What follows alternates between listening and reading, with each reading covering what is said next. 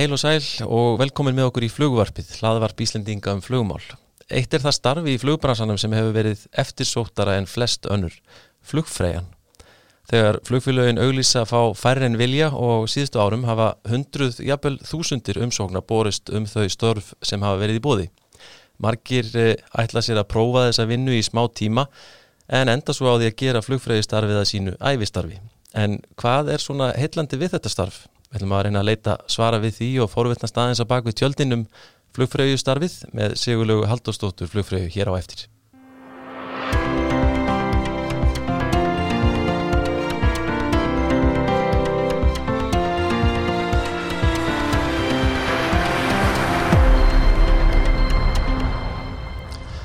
Já, við ætlum að setja fókus á flugfræju starfið í þessum þætti og að því tilefni er hinga komin Sigurlaug Haldurstóttir flugfræja, velkomin. Takk fyrir það, Jó, gaman að sjá þig. Sömu leiðis. Og sko, fyrir ykkur sem er að hlusta, þetta er hún Dilli. Það er kannski ekki allir sem kveikja þessu nafni, Sigurlaug. Ég kveiki við alla sjálf. Akkurat, en svo það sé sagt. Uh, hvað ertu nú búin að starfa lengi sem flugfræja, svo við byrjum á því? Sko, ég byrjaði 82 þá fór ég á námskeið. Mm. þá voru 36 ráðinir þá hafði ekki verið ráðið síðan 79 mm -hmm. þegar tíjan var gránduð. Ah, ekkert ráðið síðan þar til 82 Nei. og uh, þú talaður um að starfið væri vinsælt. Ég held að þá hefði þúsund sóttum eins og vennilega og þreytt próf. Endug próf í hlýðaskóla og við vorum 36 sem voru ráðinn, þetta vor og sátum tvö námskeið, átján á hverju námskeið og ég var á fyrir námskeiðinu þetta vor. Okay. þannig að 82 byrjaði ég að fljúa og er búin fljúa bara síðan. Ég veiknast þrjú börn í middeltíðinni en, en, en stoppa stutt við heima. Já. Og, já, og ég hef verið í fullu starfi alveg síðastlegin rúman áratug og meir en það. Já. og sko þú ert byrjuð að starfa við flýið áðun og ferði í flugfræðistarfi já, já, ég, ég fæ vinnu sumarvinnu í brakkanum út af flugfélagi Íslands eftir fyrsta ári mitt í MR og það er vorið 1977 mm -hmm. 9. mæ 1977 vinn ég fyrsta vinnudaginn minn fyrir flugleðir já, já. og þar var ég þrjú sömur 77, 8 og 9 og þá er ég búin með mentaskólan og fer svona uh, hugsa mér hvað ég ætla að gera skráum í háskólan í landfræði það haust já. en var ég áfram uh, búin að festa mér íbúð var að kaupa íbúð, það gerði það allir á þeim tíma það, það þótti eðlileg framvinda Það mitt og það fór einhvern veginn þannig að, að mér bauðst þá gjaldkera staða þarna út í einlandsflugi sem var betur borgað, betri vaktir þar segja lengri vaktir frá 77 harra vaktálag og þá handskrifaði maður með hana. Já, já, og spurði hvort fólk ætlaði að kaupa aðra leðin eða báðar. Satt í búrinu þarna frammi og ég þáði þá stöðu og, og þar með fóru náttúrulega bara þetta nám bara út í buskan Já. og þar var ég semst í tvö ár þangað til að ég fer á þetta námskeið þarna voruð 82 Og sko ef við stöldum aðeins við þarna á Reykjavík hvernig er, getur eitthvað líst svona stemmingunni sem er að vinna þarna á vellinum á þessum tíma? Eh, þetta var, þetta voru held ég skemmtilegustu ár æfuminnar þessi ár hérna á einlandsflöginu og ég held að við öll sem vorum hérna á þessum tíma séum sammála því mm. það myndaðist einhver eining, einhver samstæða við vorum eins og einn stór fjölskylda reyndar á tveimu vöktum þannig að sama fólki vann þarna þrjáta, tvo eða, eða já ah. og, og það, það myndaðist einhver frábær stemning ah. svo voru við auðvitað líka í, í miklu sambandi við alla stöðvarnar út á landi sem var flóið á, þá var flóið á Hortnafjörð og Neskupstæði, Ílstæði mm -hmm. Úsauðug, Söðukrúka, Akkurir, Ísefjörð Þingeri, Patrísfjörð og, og þar var fólk sem var í stöðu sambandi við. Veist, var, við sátum við ringborð og tókum bókanir, fólk ringdi inn og þá voru pappaspjöld, Já. eitt spjöld fyrir hvert dag, fyrir hvert fokker. Og svo skrifaði maður nafn og símanúmer og svo þegar það komið spjaldi var orðið, það var stryk eftir sætafjöldanum á þeirri vél Já. og þá var ekki meira hægt að bóka nema á bylsta og svo tjekkaði maður inn og hérna og þetta var einhvern veginn algjörlega einstakur tími Já. þetta var líka sá tími þegar að maður vann einhvern veginn vinnuna all, allarleið þetta var einhvern veginn tíminn þegar maður gaf flugleiðum allt Já. það fylgdi því að ráða sig í vinnu að, að gefa fyrirtækinu allt Já. og það var alveg sjálfsagt mm -hmm. og það var eitthvað gott við það Já. og eitthvað eðlilegt við það þannig að ef það var ófært þá vann maður bara lengur og svo fór maður heim og svaf kannski fjóra tíma og mætti svo aftur. Og það var ekki tiltökum ál Nei. þú gerðir það bara af því að skildan kallaði. Já. og þarna til dæmis á þessum tíma voru, voru náttúrulega, við vorum að afgriða fokkarana og svo koma Arnafluginn þarna á tímabili. Já á pinkulillum vélum, pæpervélum, alls konar og tvinnotturum og, og það var ofsalega skemmtileg nýbreytni í flugið þarna. Þá komu ungi strákar sem að voru svo þakkláttur að fá vinnu við flug. Og þeir í grænu voru einhvern veginn svona meira kamma heldur en þeir í bláu. Okay. það var flottar að vera í bláu og vera fokkurnum en þeir í grænu voru eitthvað svo þakkláttir að, að fá að vera þarna. Þannig að þeir komu yðurlegin á kaffistofu til okkar stelpnana oh og þetta var svona kvenlagur vinnustöðu svolítið meira heldur en svona yfirmenninni voru kallmenn mm -hmm. og mhm. við í bókunni voru konur Einmitt. og það varði einhvern veginn trend að það var farið í Hollywood 50 dags, 1. dags og lögadaskvöld aðra hverja viku já. og þeir alltaf með já, að, og svo þegar ég séðan byrja að fljúa 82, þá eru þessir menn margi hverju komnir yfir til okkar til fljóðlega mm -hmm. þannig að þarna kynnist ég aftur og öðrum vettvangi þessum mönnum sem að sem að maður átti félagskap við á þessum tíma sem ég var innhalans Þetta eru svona, einmitt, sko, þetta, eru, þetta eru margir hópar einmitt. já, já. og ég man eftir allir unnsteins hérna sem var hjá mér um Allir var þarna. Já, og, og hann, Svenni Haralds, stórvinu minn einmitt. sem var líka, Svenni var enn á lótinu þarna og vann með mér á grándinu og einn Sigurfinn Bjarn okkar heitinn hann var hann á lótinu líka. Þannig að það, það, maður er svona maður kynnti svo mörgum áður en maður síðan kom í flýið hann lísti þessi mitt sko, þetta væri svona eins og þorpsstemming svolítið. Já, mm. það var það, þetta var eitthvað gott við þetta. Já, þetta er skemmtilegt. En sko, eh, láða alltaf fyrir þér að, að, hérna, að fara þessa leið, að fara í þetta starf? Já, ég held það. Mm. Ég bara mann fyrst eftir mér fjögur ára, mm. ræðandi upp borstofustólunum heima hjá M.O.A. sem úlum upp og setjandi í þá dúkurbánsa og ég átti bakka og flugfrið hatt og slæðu og veski. Og það kom reyndar til af því að mamma mín mm.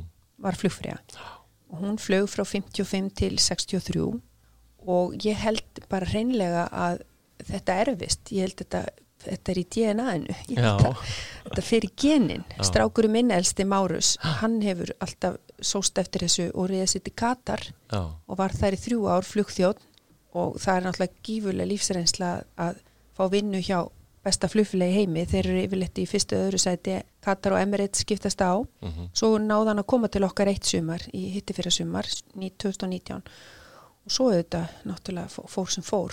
Já. 2020 þannig að hann hefur ekki flóið síðan þá. Nei. en já, ég ætlaði mér alltaf að verða flugfræða og, og ég held bara að það hafi reynlega komið með móðmjölkinni Já Emið, þú segir, sko, mammaðinn uh, ferst uh, með hrímfaksa mm -hmm. aðflýja Fonnubú mm -hmm. 1963 Já.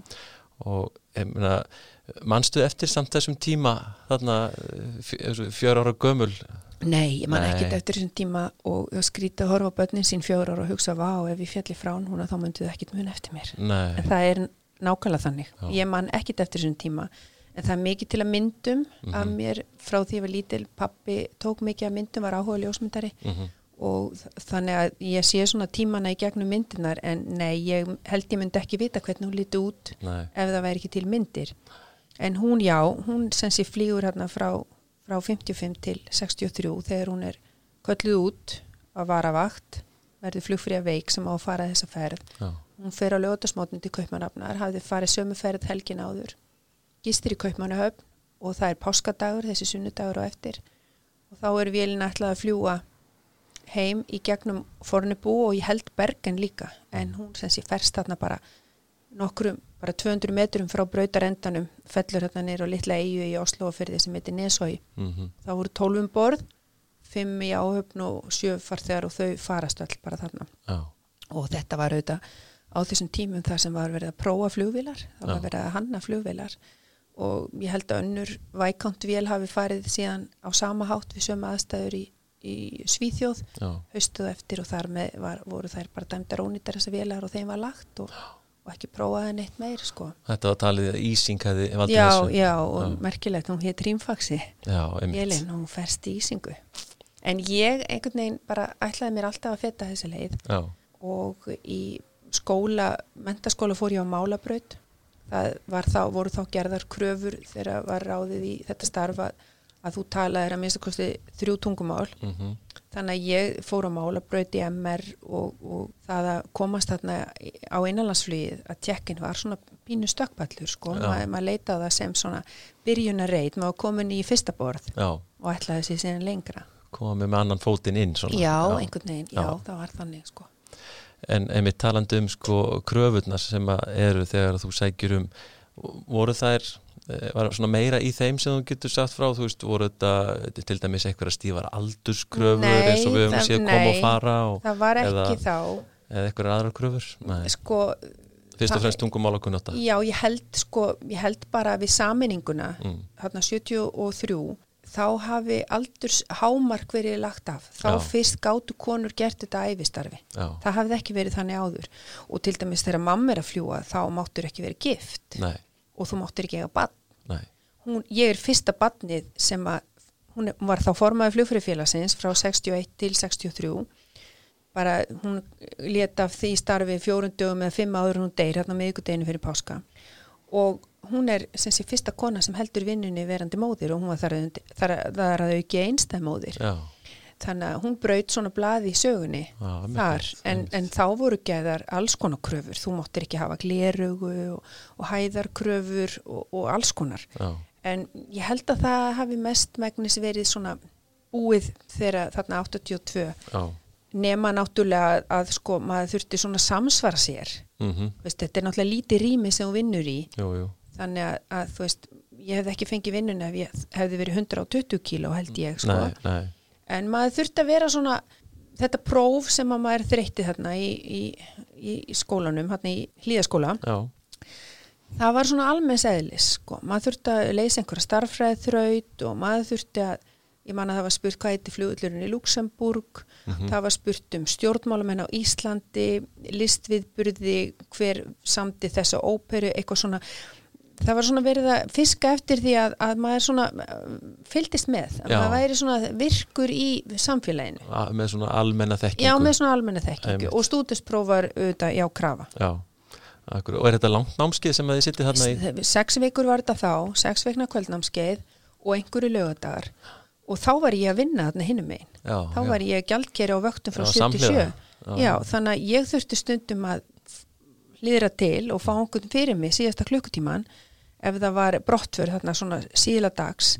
Og þá voru þeir svo elskulegir oft strákarnir í hlaðdildina þeir skuttluðu mér yfir brautina Já, já. á litla tópilnum þannig Þá var var... snögg upp í hlýðar Já, já, nei, þá sko þetta var, sko prófi var í hlýðaskóla en við lærðum allt, kennslan fór fram í kjallarunum og loftlegum, já, já, já það er svo allt honni kjallar loftlegum og þá skutluður mér yfir braut þannig að ég náði, ég náði yfir, já og þá voru sem sé Þorkell Keli og, og Erla Ágústar, Þorkell Jónsson og Erla Ágústar sem, sem að þá sáu um, um þessa kennslu, þessar sex vikur. Já, já, og það var mikill ægi og strángur já, og það var ætlast til mjög mikils á okkur og þú skautaðir ekkit í gegnum þetta bara með hangandi hendi.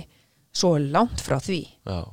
En sko, eh, sex vikur eru þið þá að uh, sko að taka tjekkjurinn á fleiri en eina já, flugvélategund? Já, já, þá vorum við sko, þá þurftum við að taka tjekk á fokkarinn Mhm. og þeir voru tveir og, og mismunandi. Já, síðan var DC-8 og ég man ekki hvort að þá voru þær þrjár en þær voru þrjár og mismunandi. Mm slökkutækin voru ekki alltaf á sama stað á öllum vélum nei, sem að skipti svolítið máli, það er ofslega þægilegt eins og á 757 okkar og samræmaður allar. Og þú veist hvað hlutirnir eru og þeir eru alltaf þarna. Já, það var alls ekki þannig þá.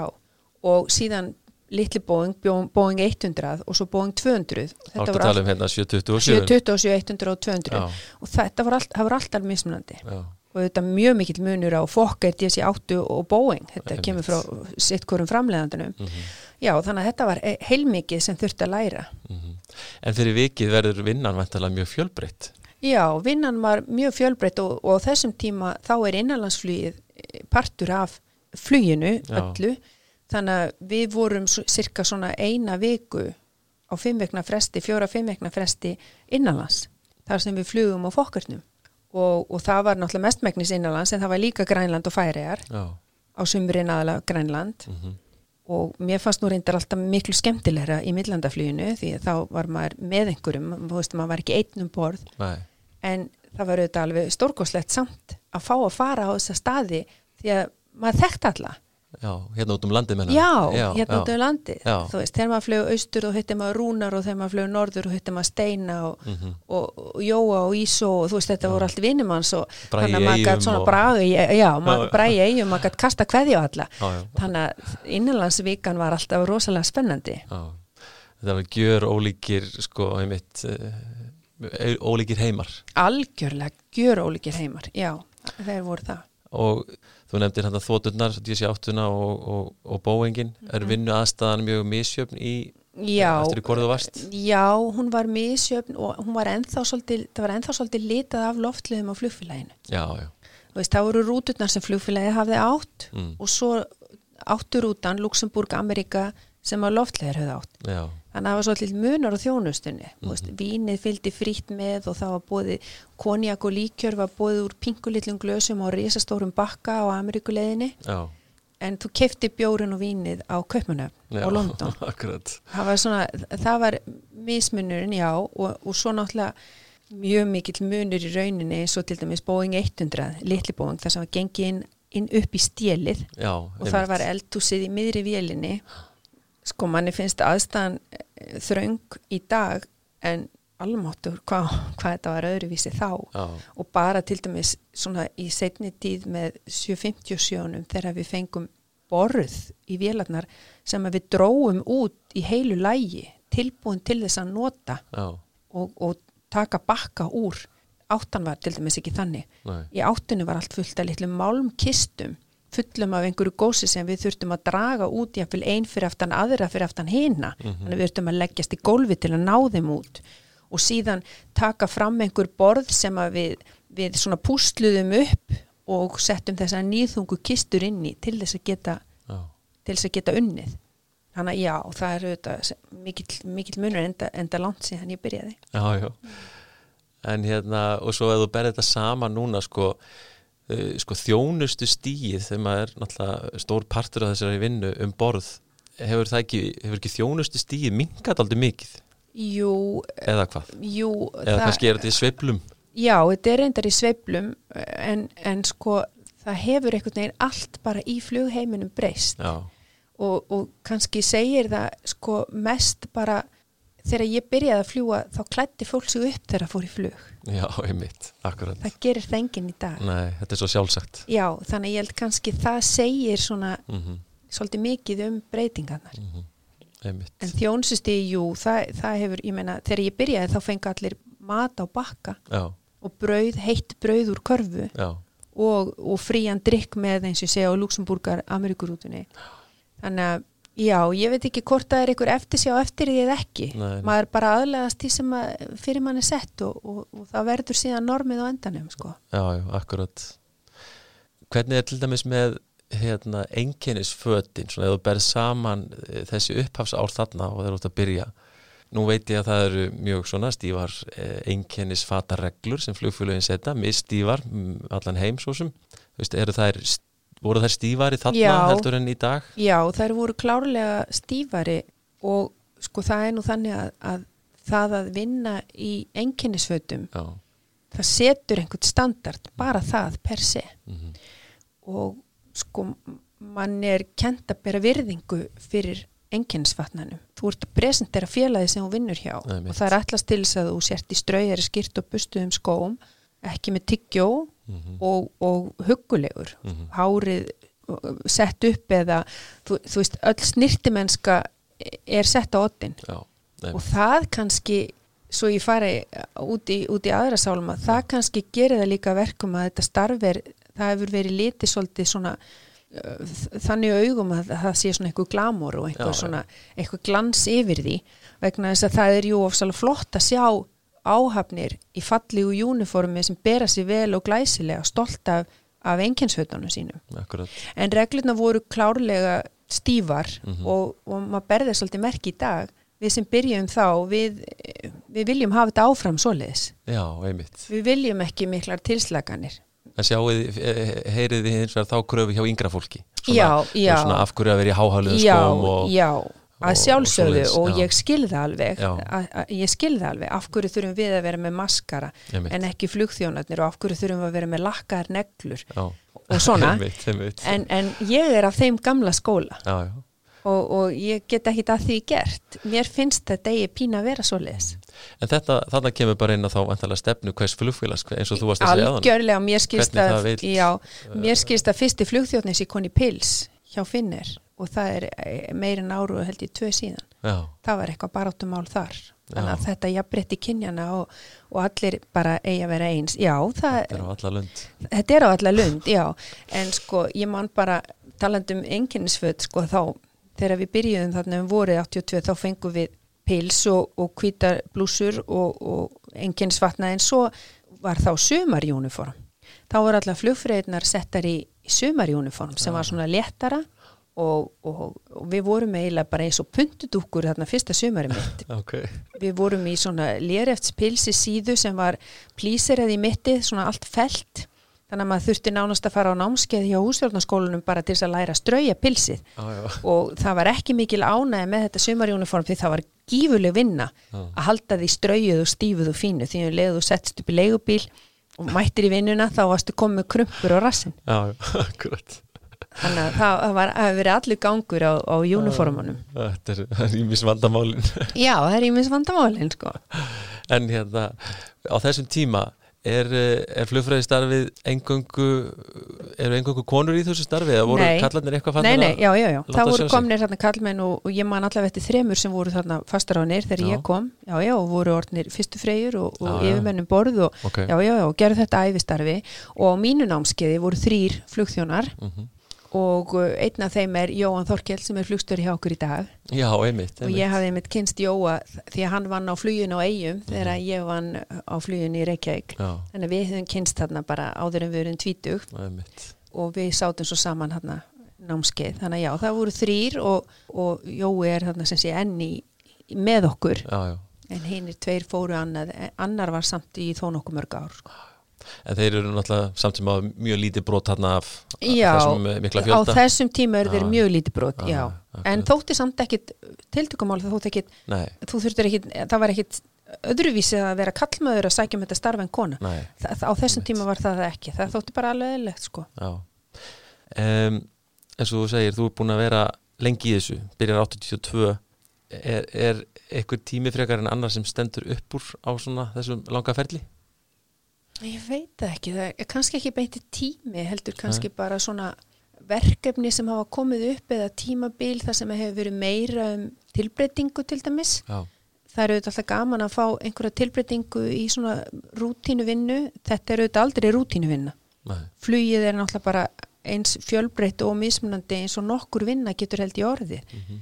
Þú mætir í vinnuna og þú ert með nýju fólki þú er aldrei séð farþegan áður og mynd trúlega aldrei séð á, sjá þá aftur mm -hmm. og þú ert að fara á einhvern áfangastað sem að þú kannski hefur ekki farið á lengi eða, og á einhverju flugvil sem þú flöst ekki á eða, eða fyr, síðan fyrir einhverjum vikum mm -hmm.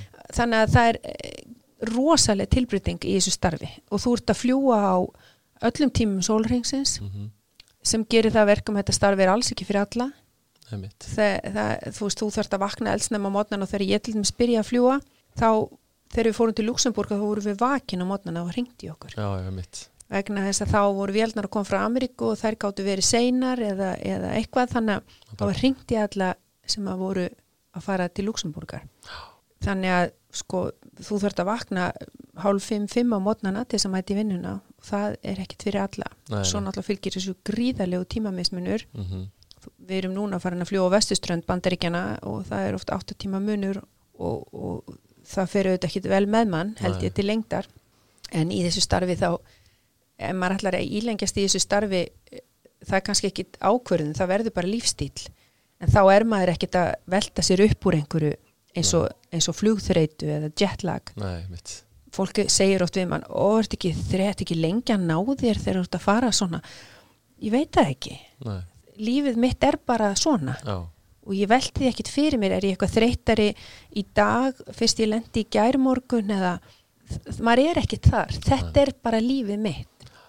Ég spurði hérna í inganginum sko, hvað er svona heillandi við þetta starf? Mm -hmm.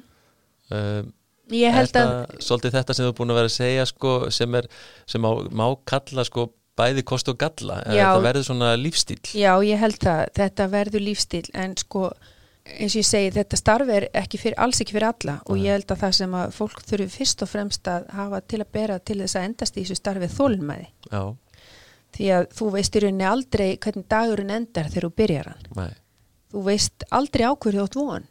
Hvort að vélinn fyrir á tíma hvort að eitthvað bilar hvort einhver brjálast eh, bara, þú veist já. hvort e- eitthvað kemur upp á. Já, ég, meni, ég hef farið í morgunflug og komið heim eftir þrjá daga. Já, bara í þú veist, það, er alls konar sem getur komið upp á og maður getur þurft að tækla alls konar vandamál. Mhm. maður verður mikill mannþekkjari í þessu starfi og ég tala nú ekki um eftir öll þessi ár mhm, að maður svona maður verður það mikill mannþekkjari að maður í rauninni getur farið að lesa fyrirfram hvernig fólk mun hegða sér. Já, þannig að sko maður þarf held ég fyrst og fremst samt að maður þarf að vera auðvitað þjónustu lundaður og hafa til að bera jafnaðar geð mhm, að því þeir ekkit að missa sig þó að hlutirnir gangi ekki eins og þú heldur að þeir muni ganga. Mhm, og þú getur hæglega lendi því að ætla þeir að fara morgunflug og, og vera bóði í ammæli, skýrna veslu eða hva- hvað sem er og þú kemur ekki heim. Mhm,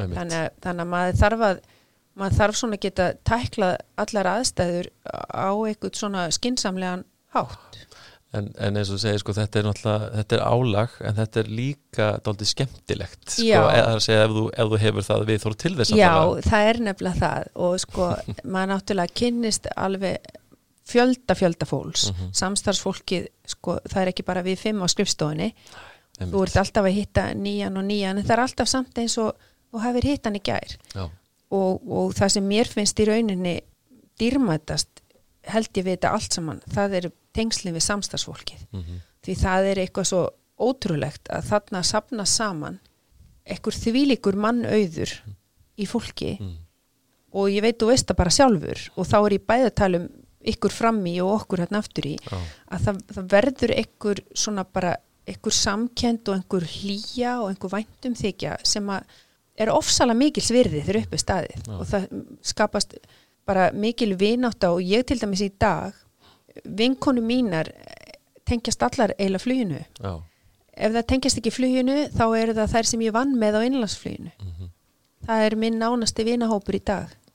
Og það verður líka til vegna þess að við deilum sömu reynslu já, já, og við þekkjum þetta líf. Við getum ekki alltaf mætt þegar hinn geta mætt og, og, og þetta er heilmikil fórn líka að fara í þetta starf. Jú, jú, veist þetta fjölskyldulíf er, er daldi flókið Mhm. oft í þessu starfi. Já, já, og til dæmis oft í gegnum árin hafa vinkonur sagt ef það ringja og ég segi nei ég er að fara til New York og eftir.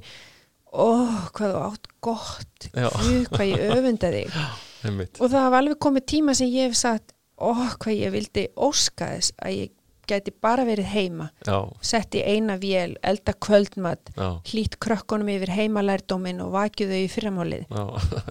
Þú veist þetta er ekki alltaf nei, nei, þetta er ekki alltaf einhver, einhver, einhver glans yfir þessu. Nei, nei, en samt sem áður er auðvitað sjarmin við þetta það eru auðvitað ferðalögin. Já, og það eru auðvitað það sem þetta býður upp á að, að fara út í heim mhm, og, og gista í borgum mhm, í öðrum löndum og, og Og upplifa og sjá.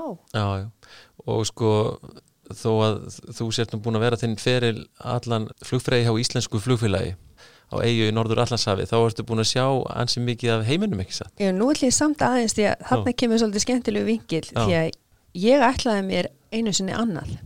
Ok, og það kom þannig til að ég hef alltaf verið mikil æfntýramanneskja og fyrstu tvö sömuru minn þá, þá fórum við í pílagrimaflug já, flugum sem sé pílagrimin frá allsýr til djetta og öfugt Já. og ég fór í, í sittgótt hollið, sittgótt sumarið. Og setna sumarið þá ákveði ég að það getur nú verið sniðut bara að sækjum flugfreyðstarf þarna niður frá þá Já. var ég ekki orðin fastiráðin vorum hann að tvö sumur lausráðin tvö löng sumur. Mm. og ég ákveði að panta tíma henni á ráðningastjórunum hjá já, Airlines. Ok. Ekki vitandi neitt mm, út á hvað það gekk. Nei, og, og ég geri það og, og ég fer þarna í viðtal og hitti ráðningastjóran og við spjöllum saman og hann svona segir mér upp og ofan af þessu. Og ég held þá að flugfrístarfið væri bara eins allstæðar í heiminum. Flugfélug, þetta væri Já. bara meir og minna eins. Og, og eftir á að higgja þá auðvitað þegar maður er svona ungur þannig er ég 22-30 ára Mm. þá sér maður, þá miðar maður svolítið allt út frá sinni lit, litlu búblu. Já, og ég held bara að þetta væri bara nýrlitur í uniformi vinni hjá öðru flugfélagi en guð mér almáttugur það hefði nú aldeilis ekki verið það. Nei, og sátti ég auðvitað náttúrulega gjör ólíkt öllum öðrum flugfélagum já, og er það örglega enn þann dag í dag. En þetta fór þannig að þessi ráningastjóri kom næst þegar ég var í stoppi í detta og sótti mig á hótelið á blæjubíl já, og kerði með mig út í borgina og bauð mér heim í te, stoppaði á leiðinni í búð sem að seldi abbæjur, kefti á mig abbæju, svona svarta sem að heilur þig frá kvirli til Lilja. Já, já, og þegar heim til hans kom þá klætt hann mig í þessa abbæju og dáðist að mér sem aldrei fyrr. já, síðan, síðan hérna gaf hann mér te sagðist við mér ekki geta kert mig tilbaka. Var, þetta var setni part dags og ég var að fara í kvöldflug.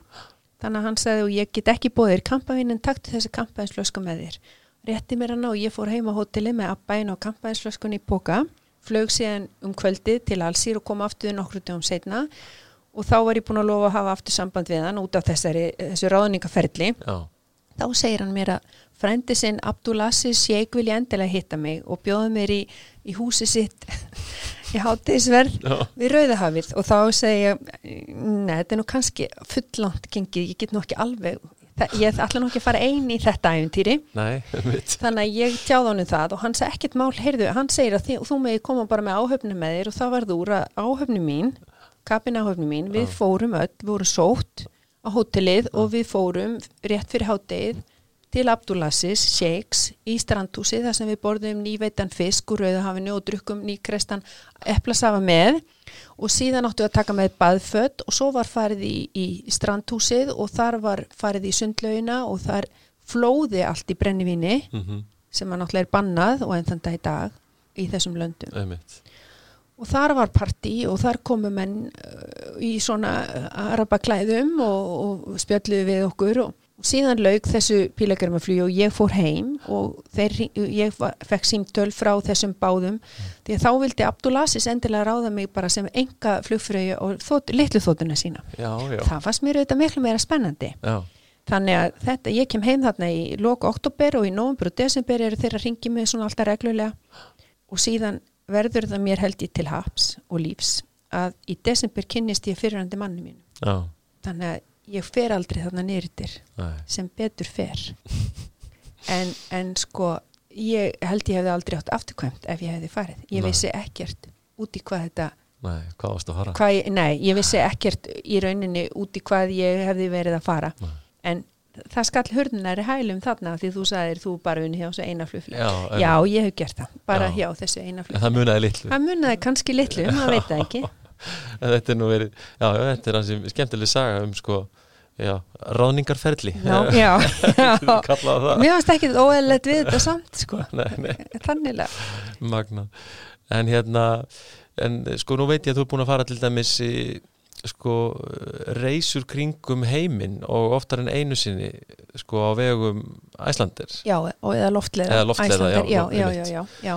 Það lítur að vera mikil upplifun og, og þú veist, falla í þennan flokk að vera einmitt að sjá nýja staði og upplifa og Já, það er í rauninni algjörlega gefa Bara- mikið Já, það er í rauninni ólýsanlegt en ég hef líka farið í ímis verkefni, Já. okay, eins og þú sagðir áðan við erum hérna pingulítið flugfélag hérna Mhm. norður í Ballarhafi, norður við heimskautsbau en við höfum samt flóið svo víða og farið svo víða. Já, og það er vegna þess að, loftleiðir, þetta dótturfyrirtæki Æslandir hefur verið ansi upplugt í að hafla okkur verkefna mm hér og þar um heiminn og notaður okkur sem sé áhafnirnar og já, ég fór í verkefni sem að var að fljúa frá Dominikana, mm Mhm. Dominikanska liðöldunni er í Karabískánu upp til New York. -hmm. þá var maður þar í þrjárvíku, ég fór tvisarsunum svoleiðis útilegu, svo voru við verkefni út úr París að fljúa niður til Afríku. Ég fór til Bamako einmitt. og uh, Ouagadougou. Og svo frá Milano og fljúa til Maldiveia þar fór maður í vikustopp og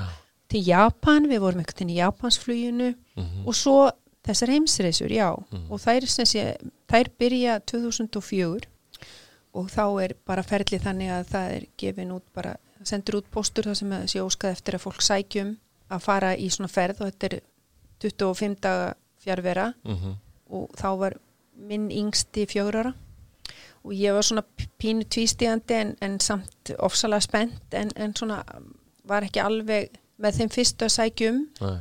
og er í rauninni bara síðasti dagurinn, umsónd dagurinn þá ringir vinkonu mín í fluginu í mig og segir til ég ert ekki búin að sækja um þessa ferð Mm. og ég segi nei, ég er nú ekki búin að segja hei, þú veist, þú sækir um þetta þetta Já. er nú eitthvað fyrir þig og ég sækjum og fæ Já. Og við förum þarna. Ég er þá sem sé númer þrjú, þriðja freyja. Jenny Þorstens er fyrsta freyja þá, hún hefur síðan unnið að þessum ferðum Mhm. fyrir loftleðir, allar göttu síðan. Og við förum þarna eins og segir ringin í kringun höttin með eh, Amerikana lengsta voru þetta Amerikanar í þessum ferðum en, en síðastliðin tvö ár held ég höfum við flóið líka fyrir Þíska ferðarskristofu mm Mhm. og, og það voru einhverjar fleiri sem að voru að svona eh, að stíga í vangin við okkur að, að ráða okkur í svona verkefni. En já, ég var svo heppin að fara þessa ferð og, og síðan höfum við farið tuga svona ferða Já. og ég verið svo heppin að fá að fara sex. Mm sem er bara algjörlega einstakt og einstakt tækifæri að bara fá að upplifa í rauninni heiminn. En jáfnframt það er líka svo mikil áskorun að, að vinna svona vinnu því að Já. í þessum ferðum er, er sko standardin allt, allt annar heldur en maður hefur nokk tíma kynst. Veist, þetta er fólk sem að borgar 15 miljónur fyrir ferðina Já. per haus Og bara er í sinni enga þóttu. já, þetta er kallað private jet tours Mm og þjónsustíð er náttúrulega bara eins og Michelin stað, Mhm. við erum með tvo kokka með okkur -hmm. og nei er ekki til Nei, það er öllu bjargað Já. fyrir alla og þetta, er, þetta eru mjög sérstakar ferðir og auðvitað reynir á mikið úthald og, og þetta, er, þetta eru mjög töff ferðir, þetta er mjög mikil vinna en jáfnframt stoppa maður á þessum stöðum þetta er yfirleitt, þetta er yfirleitt skipulagt þannig að það er verið að fara með farþegana á svona merkilega staði, svona World Heritage Já. staði sem eru á heimsminjaskrá sem er ekki alveg svona í alfara leið. Nei, sem er ekki alfari leið og, og fjölda þessara staða hefði ég aldrei farið á Nei. ef það hefði ekki verið fyrir þessa ferðir. Nei. Reyndar var ég samt farin að ferðast mjög mikið því meðan ég vann á innlandsfluginu þá fekk maður auðvitað svona afsláttarmiða Mhm. og ég svona yfirleitt svona horfði lengra en skemmra þannig að ég til dæmis fór til Hawaii 1980 í janúar og ég fór og ferðaðist um alla Filipsegar já, já, ok. 81 Þannig að áður en þú Þæland og Singapur líka, já, ég fór svona langar ferðir og þannig að ég svona, já, ég var búin að sjá svona töluvert af heiminum líka fara svona víðar um Asju á þessum tíma en, en þarna fer maður auðvitað á staði sem að maður hefði aldrei ráð á að. Nei. fara á þó svo að, að flugum heimurinn hafi breyst og fargjöld hafi lækkað þá eru margir staði bara svo afskektir að maður myndi ekki fara. Nei, og það skiptir máli vantarlega eh, eins og þú varst að nefna áðan vinnudagarnir er kannski mislangir og allt það en uh, áhöfnin er saman í einhvern x langan tíma þannig er áhöfnin saman eins og þú segir 25 Já. daga jafnvel lengur Já, ég hef farið alveg upp í Mm. 30 daga svona ferð þannig að það er líka ákveðið álag Já, það er ákveðið álag en, en það er samt, það er svo dýrmætt. Já, fólk kynnist vel vantarlega Já, og nú á ég svona hópa, mm sex svona hópa og, og það verður svo, það verður svo mikil kærleikur. Já. Þú veist, við, það, verður einhver, myndast einhver vináta sem verður aldrei rofin. Mhm. Við eigum einhverjar, við eigum svo mikla lífsreynslu saman sem hópur -hmm. og við hittumst reglulega þessir hópar. Já. Þeir halda allir saman og, og hittast og, og það eru fjöldamarkar svona litlar sellur í fluginu Já, já, þú varst með þessum og ég var með þessum og, Já, þetta og, þetta er, já, þetta er náttúrulega bara, þetta eru þvílík forréttindi að ég, ég er svo þakklátt að fá að hafa að upplifa þetta almáttuður, sko. Ég man eftir í tengslum við sko, ég held að það veri í tengslum við þess, eina af þessum heimsferðum eða kannski fleiri en eina að hérna, að að, að séð hjá þér á Facebookinni bara mynd af töskunni þeirri úr hinn og þessu hótelherbygginu og undirstóð home is where your suitcase is Já, nákvæmlega, já, ég, ég, svona, ég fór að taka mynd af ferðartöskunni alltaf við rúm, rúm endan Já. á hótelherbyrginu, mér fannst það svolítið skondið, já, all- ég held að ég nú byrjaði einhverju svona ferð, en svo held ég því áfram. Já, svolítið lengi á eftir og, og sko þetta er svolítið lýsandi svona Já, þetta er svolítið lýsandi. Já, ég hef stundum líka bara, ég myndi vilja geta farið í einhverja skrá mm, og bara séð bara hvað ég er búin að sofa mörg ár af lífi mínu á hótelum. Já, heimitt Það eru mörg ár, Jói, sem ég er búin að sofa á hótelherbergjum. Já, ekki tónu leiða því Nei, Nei. það er eitthvað ofsalega gott við það. Það er eitthvað notalegt við það. Það þetta er lífstílinn, eins og ég sagði þér. Og það er bara, það er eitthvað gott við það að ferðast og fara og komast burt og líka bara það, þessu fylgja svo miklu möguleikar hugsaði þér að fá að fara í einhverja borgir út í heimi og gista þar, jafnvel fleiri en einu og tvær og þrjár nætur mm og ég til dæmis hef verið mjög duglega í gegnum áratugina að fara á listasöfn. Ég nýt þess alveg gríðarlega að fara og skoða listasöfn. Bæði sögulega muni en ekki síður má málaralist, impressionistarnir eru mitt uppáhald. Og, og fá að ganga um sapn einhvers þar út í heimi og drekka í mig það sem þar er.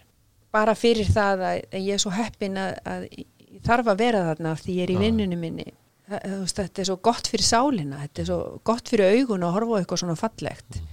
Og bara ég man bara til dæmis þegar ég komst á safnið í Kæró egifska safnið í Kæró bara, þú veist, ég trúði þessu bara ekki. Þetta, ég, ég bara þetta, þetta, þetta byði mín Já. að geta skoða þetta safn.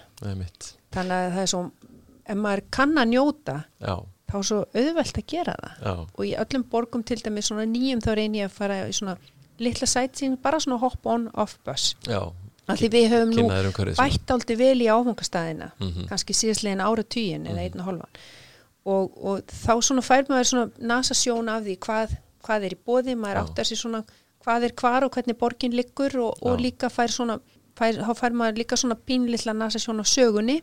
Þannig að þetta er náttúrulega bara forréttindi. Ég, mér finnst ég mér finnst ég hafa að lifa svo góðu lífi í gegnum þetta starf. Frábært. Það er bara þannig. En hérna, tölum aðeins um ástandi núna veist, sem er náttúrulega ekki alveg frábært. Úf, En þú ert þó einn fára eh, má segja sennilega í dag sem ert að starfa sem flugfreyja hjá Æslandir Já, við erum rétt rúmlega 200 núna en öll í hlutastarfi. Já, það er lítið að gera. Já, við erum í hlutastarfi til þess að geta haldið fleirum Já, starfandi. mm Ég og svo við værum kannski bara eitt fjórði af þessu ef að, ef að við, það, það er kannski þörfin. já, En já, ég, það er samt eh, ofsalega lítið að gera. Meina, Já. það, það eru örfá flug á dag mm til Evrópu og, og Amerika, Boston kannski tvisar í viku búið að vera. Stóð til að bæta í fyrir jólin en svo eh, það er allt í hershöndum út af þessu COVID já, já, og breytist mjög ört. Einmitt. Það er lagt upp með eitthvað sem síðan verður ekki. Mm ég fór eitt flug í oktober Já, eitt í nóvambur og tvö í desember. Já, það er mjög erfitt, já, það er ofsalega erfitt. Félagslega er það alveg óbúslega erfitt því að maður er auðvitað vanur að, að hitta fólki sitt og, mm einmitt. og, og svo bara eh, flugið er allt öðruvísi í dag. Það er náttúrulega bara við með grímur og, og megum ekki vera í samskiptum við farþegana nema mjög litlu leiti þjónsustíðin ánast komið hún ekki neitt. Við Mhm. bjóðum upp á neitt. Nei, og það er líka mjög erfitt þegar maður er búin að vera í þessu starfi gefandi af sér Já. alla tíð einmitt þá er mjög erfitt að halda aftur af sér og gera það ekki Þa, það er bara það sko. Nákvæmlega. En segðu mér, sko, nú mega flugmenn eh, sem að starfa í atvinnuflugi ekki vera lengur en til 65 ára í farþegafluginu. Hvernig er þessu hátta hjá ykkur flugfreyju? við megum vera til 67 Já, ok. þetta er orðið bara æfi starf Mm margir hafa nú enst svo lengi Já. en þetta er líkamlega mjög erfitt Já. slítandi starf og, og hérna það mest, svolítið merkilegt að það var ein stúlka sem að sagði eftir eitt sumarið bara sumarstarfsmaður eftir fyrsta sumarið sitt jú, mér finnst þetta ofsalega skemmtilegt en þetta er eiginlega bara fyrir afræðsíkþjórt fólk Já, einmitt. Og, og sko það hefur nefnilega breyst. Þjónustan er orðin öðruvísi. Við færri um borð Já, að vinna kannski sömu jafnvel meiri þjónust en var hérna fyrir kannski 20 árum, segjum það. Mm og uh, til dæmis til Seattle þá sest maður oft aldrei niður. Nei, og það er átt tíma flug. Mm og sko og það er bara ekki það að maður setist ekki niður heldur er maður standandi í flugvél í lausu lofti sem titrar og víbrar allan tíman mm -hmm. þannig að þetta starf er til dæmis mjög illa með stóðkerfið Já, eins og sjómenn, þeir stíga ölduna þeir Mhm. taka stærri dýfur og fara illa í njánum við förum mjög illa í mjöðmánum já, þessi sífældi víbringur, alltaf hreint og titringur. Og svo er það orðið þannig eftir því sem að flugheimurinn hefur jú st- stækkað og flugstöð var stækkað þá er þetta ekki búið. Þegar maður lendur þá er maður kannski eftir að ganga kraftgöngu í gegnum flugstöðina tvo kílómetra einmitt. eða þrjá. Já, það er líka bara ansi töff. Ájafvel háum hælum eftir að hafa hlaupið alla leið til já, Þe- þetta er sko, já ég einhver tíma fór með göngumæli fyrir samt sko 20 árum síðan bara ganni til Orlando og ég gekk 9,2 kilometra frá því ég fór inn í leifstöðu og þóngar til ég kom út af flugstöðinni í, já, áfangast það já, Já, það er ágætis veglínt já, það er En það. eh, um, við höfum náttúrulega séð þá líka einmitt sko eins og þú nefndir út af þessu álægi líkamlega og tímamismunur og alls konar að fólk e, næri ekki að klára Fólk- sína nei. starfsæfi alls ekki, fólk Nei. endist misjaflega vel í þessu starfi. Og, og það er bara ímislegt sem að að veldur því. Þetta er, þetta er ek, ekkit holdt líkamlega og heldur ekki þessi tímamismunur og kljást við hann.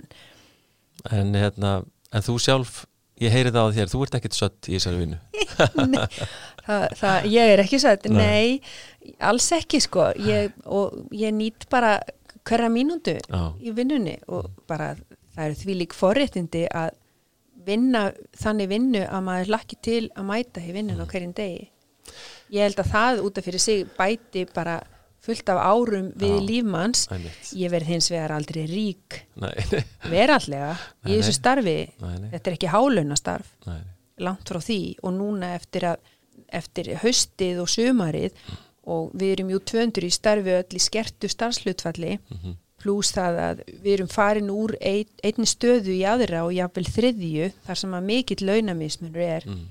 Þannig að fólk er að kannski að sjá fram á 60% tekjutap Já. það er bara mjög já það er það, Já, það er já. það þannig hjá okkur Já, já. í dag Mhm. og þ- það eru auðvitað ansi brútalt og Já, ansi já. töff að takast á við mm og ofan á allt þetta COVID kjáftæði. Já, já, nákvæmlega og sko, nefndir haustið og síðastlið sumar, ofsalega mikið í fréttum þessi átök uh, æslander við, við sína flugstjettir Já, og, og það er svo mikið í fyrsta skipti sem að það er í fréttum en, en þetta voru dálítið hatramar deilur og, og ekki hvað síst við flugfreyjur. Já, þetta var kannski það svona kaldasta sem við höfum lendi, ég held það. Og held ekkit um það, það er bara þannig sko.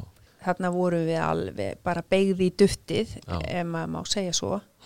Og, uh, og og hvernig er andin núna? andin er auðvitað bara alltaf sam, sá sami hjá okkur sem að heldum vinnunni. Já, við bara elskum að mæti vinnuna og þráum það og vildum mæta miklu oftar og, og njótum þess að hittast því að þetta er stór vinahópur en, en auðvitað eru við líka brotin fyrir hönd þeirra sem að ekki fengu vinnu og sem að hafa sömu ástriðinni í brjóstu og við hinn sem erum þarna.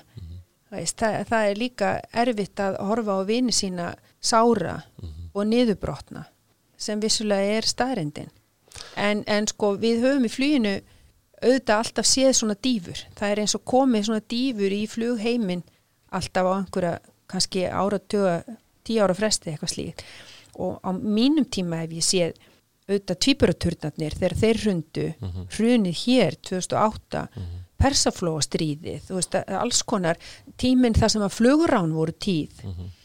En við höfum yfirleitt svona komist oft betur frá því en mörgunuflugfélag eins og til dæmis fluguránstíminn þá flög fólk frekar með okkur já, já heldur en með Östurlandafélagunum eða Amerikufélagunum eftir tvíburaturnuna var sami på teiningnum við þóttum svona örugari kostur að velja heldur en mörg önnur flugfélag og eins og, eins og til dæmis hrunið það sá fyrir endan á því, þú gast séð lúkningu, já við þraukum þetta þanga til þarna þennan mánuð en þá keirum við á fullt en þetta ástand núna það er af allt, allt öðrum toga. Já, og það sér ekki fyrir endan á neinu. Og, og við erum einhvern veginn slegin niður aftur og aftur. Við ætlum okkur og svo gerist ekkert. Já, ekki og hægt. núna horfum við fram á sumarið vonandi verður og við erum að keira út auglýsingar fyrir sumarið og sumaráallunina og, og vonum að, að allt verði sem eðlilegast. Og það verður auðvitað aldrei eins og það var fyrir tveimur árum, það tekur okkur nokkur ára ná þangað aftur. En við getum samt ekki gengið út frá því vísu. Nei, nei. Það er svo erfitt. Já, mikil óvisa. Já, En hérna, ertu samt uh, svona þrátt fyrir þetta ástand bjart sín á næstu mánuði, misseri? já, það er annað er ekki hægt. Nei, nei, Við verðum að vera bjart sín og við verðum að trúa því að við réttum úr kútnum en það er ekki bara við, þetta er náttúrulega bara allur heimurinn já, já, og, og þetta kom náttúrulega bara á alveg skelvilegum tíma. Við í byllandi uppsveiflu þrátt fyrir auðvitað eh, maksa vandamálið, mhm, 737 vandamálið. En við samt sem áður vorum í uppsveiflu, við vorum að bæta við áfangastöðum, bæði í Evrópu og í Ameríku. Mhm, og leiguflugið okkar eins og heimsreisurnar blómstræði sem aldrei fyrr. Við sáum fram á fleiri ferðir en nokkru sinni árið 2020 einmitt. og á þeim markaði eru örfá félög. Mhm. Það eru örfá flugfélög sem eru á þessum heimsreisumarkaði, þessum private jet markaði og einhverju luta vegna hefur okkur litla æslandir vegnað ofsala vel þar Já, og ég held að við höfum sérstöðu bara í heiminum fyrir það hvaðan við komum. Já. Við erum lítill, við þekkjum stöll, við höfum sama mentunagrunn, við tölum sama tungumálið og við erum sömu trúar eða ekki trúar, en við erum samt svona, þú veist, við komum öll af sama meiði mhm, sem gerir það að verkum að við erum mjög auðvelt með að takast á við verkefni og álag og vinna vel saman. Og við gerum það sem ein heild. Við öndum eins og eitt lunga þegar við förum í svona verkefni og þar að leiðandi höfum við skapað okkur einhverja sérstöðu þannig að það eru kannski teljandi á fingurum annara handar félögin sem eru í þessum bransa. Og, og, og þarna vorum við á rífandi blúsi það átt að vera 20 svona heimsferðir já, árið 2020 einmitt. það er svona kannski eitthvað sem er svakalega sorglegt að sjá af. Einmitt. af því að það, það er eitthvað bara það er svo storkoslegt að fá að vera partur af, af svoleiðis operasjón Ég hérna, mér langar að nefna eitt við því svona í tengslum við, við þetta sko vinna versus flug, þú kannast örgulega við þetta og ég hef alveg uh, heyrt í gegnum mína tíð að sko aðrar stjárstjettir mæti í vinnuna en, en flugfólk það mætir í flug. Já, já, Þú- þú nefndir áðan Já. sko, við erum bara að fara í fara til New York sko, já, já við erum ekki að fara í vinnuna. Nei, en svo er sagt við samt mig eins og mína starfsið hvert enn að fljúa Já, og ég var bara búin kannski að fljúa í fimm ár þegar það var að byrja að segja það við mig. Já. ertu enn að fljúa og fyrst eh, bara var maður svona kvumsa nú segir maður, já, ert þú enn í bankanum? Já, eða ert þú enn í, búðinni? Já, eða, já, þetta er vinna mhm, en það er samt eitthvað, einhver ára í kringum þessa vinnu mhm, sem gerir hana öðruvísi. Já, já, það er einhvern veginn þannig og það, ég finn í mér það er eitthvað svona órói ef ég kemst ekki burt. Einmitt og ég þjáist daldi núna Já. af þeim óróa Akkurat, þú þannig. fleiri held ég sko já, ég, já, eflaust En hérna aðeins sem sjálfa þig, þú, uh, þú ert frá Reykjavík, ekki? jú, ég er fætt og uppalinn bara borgar barn, já, Já. Já, ég veist, eru, eru ræturnar fyrst og fremst þar og, og, og já, hérna, ég er bara fyrst og fremst bara Reykjavíkur dóttir mm, og bara ólst upp á ringbrautinni beint á móti ellheimilinu og fjórðu hæði þar. Já. amma og afi byggu þar og þegar ég náttúrulega missi mömmu sem var einstæð móður með mig einmitt, og þá bjó hún hjá þeim og með herbergi þar á loftinu og það svona þótti bara þá eiginlega eðlilegt framhald að ég myndi þá bara ver, vera hjá þeim. Mm pappi tölvört eldri en mamma og þessum tíma voru nú pappar ekkit svona kannski að axla ábyrð á, á svona, við svona aðstæður þótti kannski betra að sleppa heldur en hitt. Mm þannig að, að ég sem sé ólst upp hjá ömmu og afa og ég er kannski áttam á því í dag þegar ég er á þeim aldri þegar amma tekur við mér. Já, hún er að verða 60 já, þegar hún tekur á móti þryggjára barni já, og sér fram á að þurfa að hugsa um þetta þryggjára barn það sem eftir er. Ég, ég er ekki sem að ég myndi nenni ekki svona 24-7 sko. Nei, nei, ég er því miður ekki orðin amma það hlýtur nú að gerast þetta dagina því ég á þrjú börn. Já, en ég er, já, ég er bara uppalinn í Reykjavík og í Vesturbænum Já. og ég eiginlega vissi bara Pálmi maðurinn minn segir þegar hann síðan flutti með mig upp í graf og ég hafi ekki vitað að væri byggð fyrir austan snorabröð fyrir en þá en talandi um Pálma, Pálma Gesson leikari sem er nú þjóðþektur og Mhm. allt það frá Bólungavík þið, ég, ég veit að þið, þið farið mikið á hans heimaslóðir í, í vikinni? Já, við höfum gert það og, og ég hefði aldrei trúið því að ég ætti eftir að eiga hús í Bólungavík ef einhver hefði sagt mér það fyrir 40 árum ég hefði bara fussað og, og sagt nei, ég á eftir að ég íbú í París eða, eða New York Já, já. aldrei í Bólungarvík það var nú alveg botnin á því fannst mér sko. Já, en, en já, hann er sem sé fættur og uppalinn þar og uh, ég hafði aldrei komið þangað Nei. fyrir en bara ég kynnist honum ég hefði komið bara á Ísafjörði, í partí bara á fluginu en,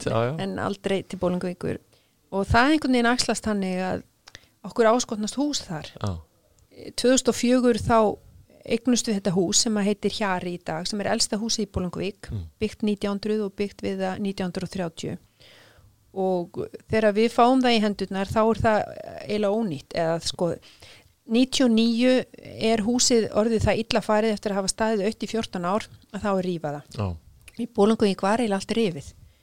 Gömul hús voru rifin á Ísafyrði voru þau gerð upp. Já, Bólungavík varð svo rík eftir miðbygg síðustu aldar. Allt gamalt tótti hallarslegt og það var byggð risastór hús. Aðalstræti til dæmis í Bólungavík gat, aðalgatan, hún er breyðar held ég en Fifth Avenue, já, já, veist það. Bólungavík varð stór og rík. Já, nema það átti að rífa þetta hús en, en húsið átti þá sögu að mammans Pálma, hún ólst upp í þessu húsi. Afi hans og amma keftu þetta hús og fluttu í það með, með barnafjöld, með nýju börn. Og uh, hún elst þarna upp á þarna sín unglingsár og, og eignast Pálma í þessu húsi. Hún er þá, hún og maðurinn hennar milli húsnæðis. Og hún fæðir Pálma í þessu húsi. Já, já, og svo auðvitað bara flyttur fólk sína leið og húsi fer í eigu annara og leigu og eins og gengur en er síðan búin að standa aukt þarna í 14 ár þegar pappans Pálma sem var húsmiðameistari í Bólungavík kaupir húsið fyrir lítið fjö að bænum gegn því að gera það íbúðarheft upp og nýtt. Ok. og hann er þá hættur að vinna og er að dunda sér. Já, já, síðan svona dagar það upp í höndunum ánum hann fyrir að fá Alzheimer og, og það einhvern veginn verður þannig að hann gefur okkur húsið 2004 og ég man að ég hugsaði bara Jésús minn hvað á ég að gera við eitthvað hús á hjara veraldar? Þess að heitir húsi hjari veist, ég hefði alveg skilið að eh, sko, eða ef, ef einhver hefði gefið mér húsi í, í, í, Rínardalnum eða eða á Ítalíu Já, en það. en í Bólungavík, nema það við bara, svo horfum við á húsið þarna í heilt ár og byrjum síðan og Pálmi ákveður strax að vera trúr söguhúsins og gera það upp, upprönnlegt og Já. við finnum gamla myndir meðal hans að mömmans uh, á fermingadaginn fyrir utan húsið þannig að við sáum hvernig gluggarnir höfðu verið og húsafriðunan en kemur fljótlega inn í máli með okkur. Þannig að það eru smíðaðir nýju gluggar í húsið af, af dvergum með skareksi við eld held ég því að það kostar allt svo mikið sem er gert svona í samráðu við húsafriðunan að hljóta hafa verið dvergar við kertaljó sem smíðuðu gluggana. En allavega við byrjum og einhvern veginn bara verður, við verðum ekki stöðuð og ég ákveð þá líka að gera bara húsið svolítið gamalt líka inni. Já, ég eiginlega sko satt uppi með búslóð eh, afa míns og ömmu. Ég var einhvern veginn svona bara alin upp við það að geima allt. Já. þegar mamma deyr svona sviplega þá er allt geimt já, þannig að ég átti fötin hennar, munin hennar allt sem hún átti, húsgögn og dót matastellið og silfur í borbúnaðin, þetta var allt geimt og svo þegar af og að með deyja, þá geimi ég líka allt. Þannig að ég er meðal við þarna heila búslóð og meir en það í eftirdrægi sem ég veit ekkert hvað ég á að gera við Mm. og þarna fann ég henni plás þannig að já, við erum búin að gera upp þetta hús og, og, og höfum virkilega notið þess og, og njótum þess náttúrulega, það er engu líkt að vera Nei. þetta er náttúrulega bara eins og þú þekkir veranda vestan jú, jú. þessi ægilegu fjöll sem að gína yfir þér kolsvört á veturna í snjóleysinu Mhm. Og, og svo þessar björtu nætur og kyrðin og friðurinn, þú heyrir ekki neitt. Þetta er einstakt. Þú heyrir í flugvél í 40 fetum fljúa yfir. Akkurat, Ha? það er bara þannig sko. akkurat Þar byrjaði ég nú að dástaði þessu í nýfstalum hann er rétt, já já, akkurat, Já, já. akkurat sko. já, ég hef nú heyrt í podcastunum þínum að það er mikið talað um Bólungavík, það er í rauninni svo vakka flugsins sé í Bó- Bólungavík Já, við þurfum að fara kannski að gefa östfyrðingum smá Já, gaum kannski. hérna í já, þessu já, kannski Já, það er, það er góðu punktur Já. En uh, það er þessi kreppa núna í fluginu eins og við erum búin að tala um aðeins uh, ef að þú væri nú að tala við eitthvað ungt fólk hérna hjá okkur sem væri að velta fyrir sér að, sækjum starf þegar næst er að vera auglist uh, flugfræðistarf Ertu með einhver ráð? Hvað myndur þú segja? Já, ég myndi kannski í dag segja leitaðu á aðra slóðir. Já. Í dag verðist ekkit bjart yfir framtíðinni mm. í þessum heimi af því við verðum daldið lengi að hjarna við. Mm. Þannig að í dag er ekkit líklegt að, að þúsund manns verði vinnandi sem flugfyrir og þjónar hjá Æslandir eftir tvö ár. Nei. Vonandi eftir þrjú eða fimm ár ég veit það ekki nei, nei, en, veit en ekki. sko því miður Já. þá hefur oft verið bjartara yfir þessum heimi öllum saman heldur en nú.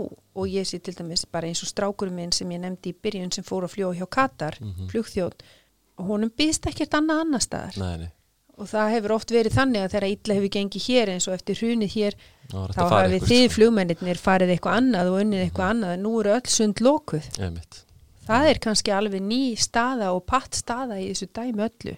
Klart. Það er svolítið svona önnur sín og annar heimur sem að fólk þarf að fóta sig í og margir eru þegar farnir til annar að starfa ef þau eru þá í bóði, svo eru við líka þar. Einmitt. og nú eru nýjustu fréttir að atvinnuleysi muni aukast með vorinu og veist, það er erfitt að vera bjart sín já, já, það er það. En ef maður er heil heilsu og á fólki sitt og, og húsi sitt í bólungvík já, já, já, þá verður maður að fókusa á það. Það sem maður hefur. Já, það er svoleiðis. Um, við vonum að hérna, þetta fari nú eitthvað að uh, hjarna við þessi bransi okkar begja já, svo sannarlega. Takk kærlega fyrir komuna í flugvarpi til og deila svona þinni sögu með hlustendum. Hjartans takkir fyrir að bjóða mér. Það held ég, við látum hér staðanum í byli heyrumst í næsta þætti af flugvarpinu. Góða stundir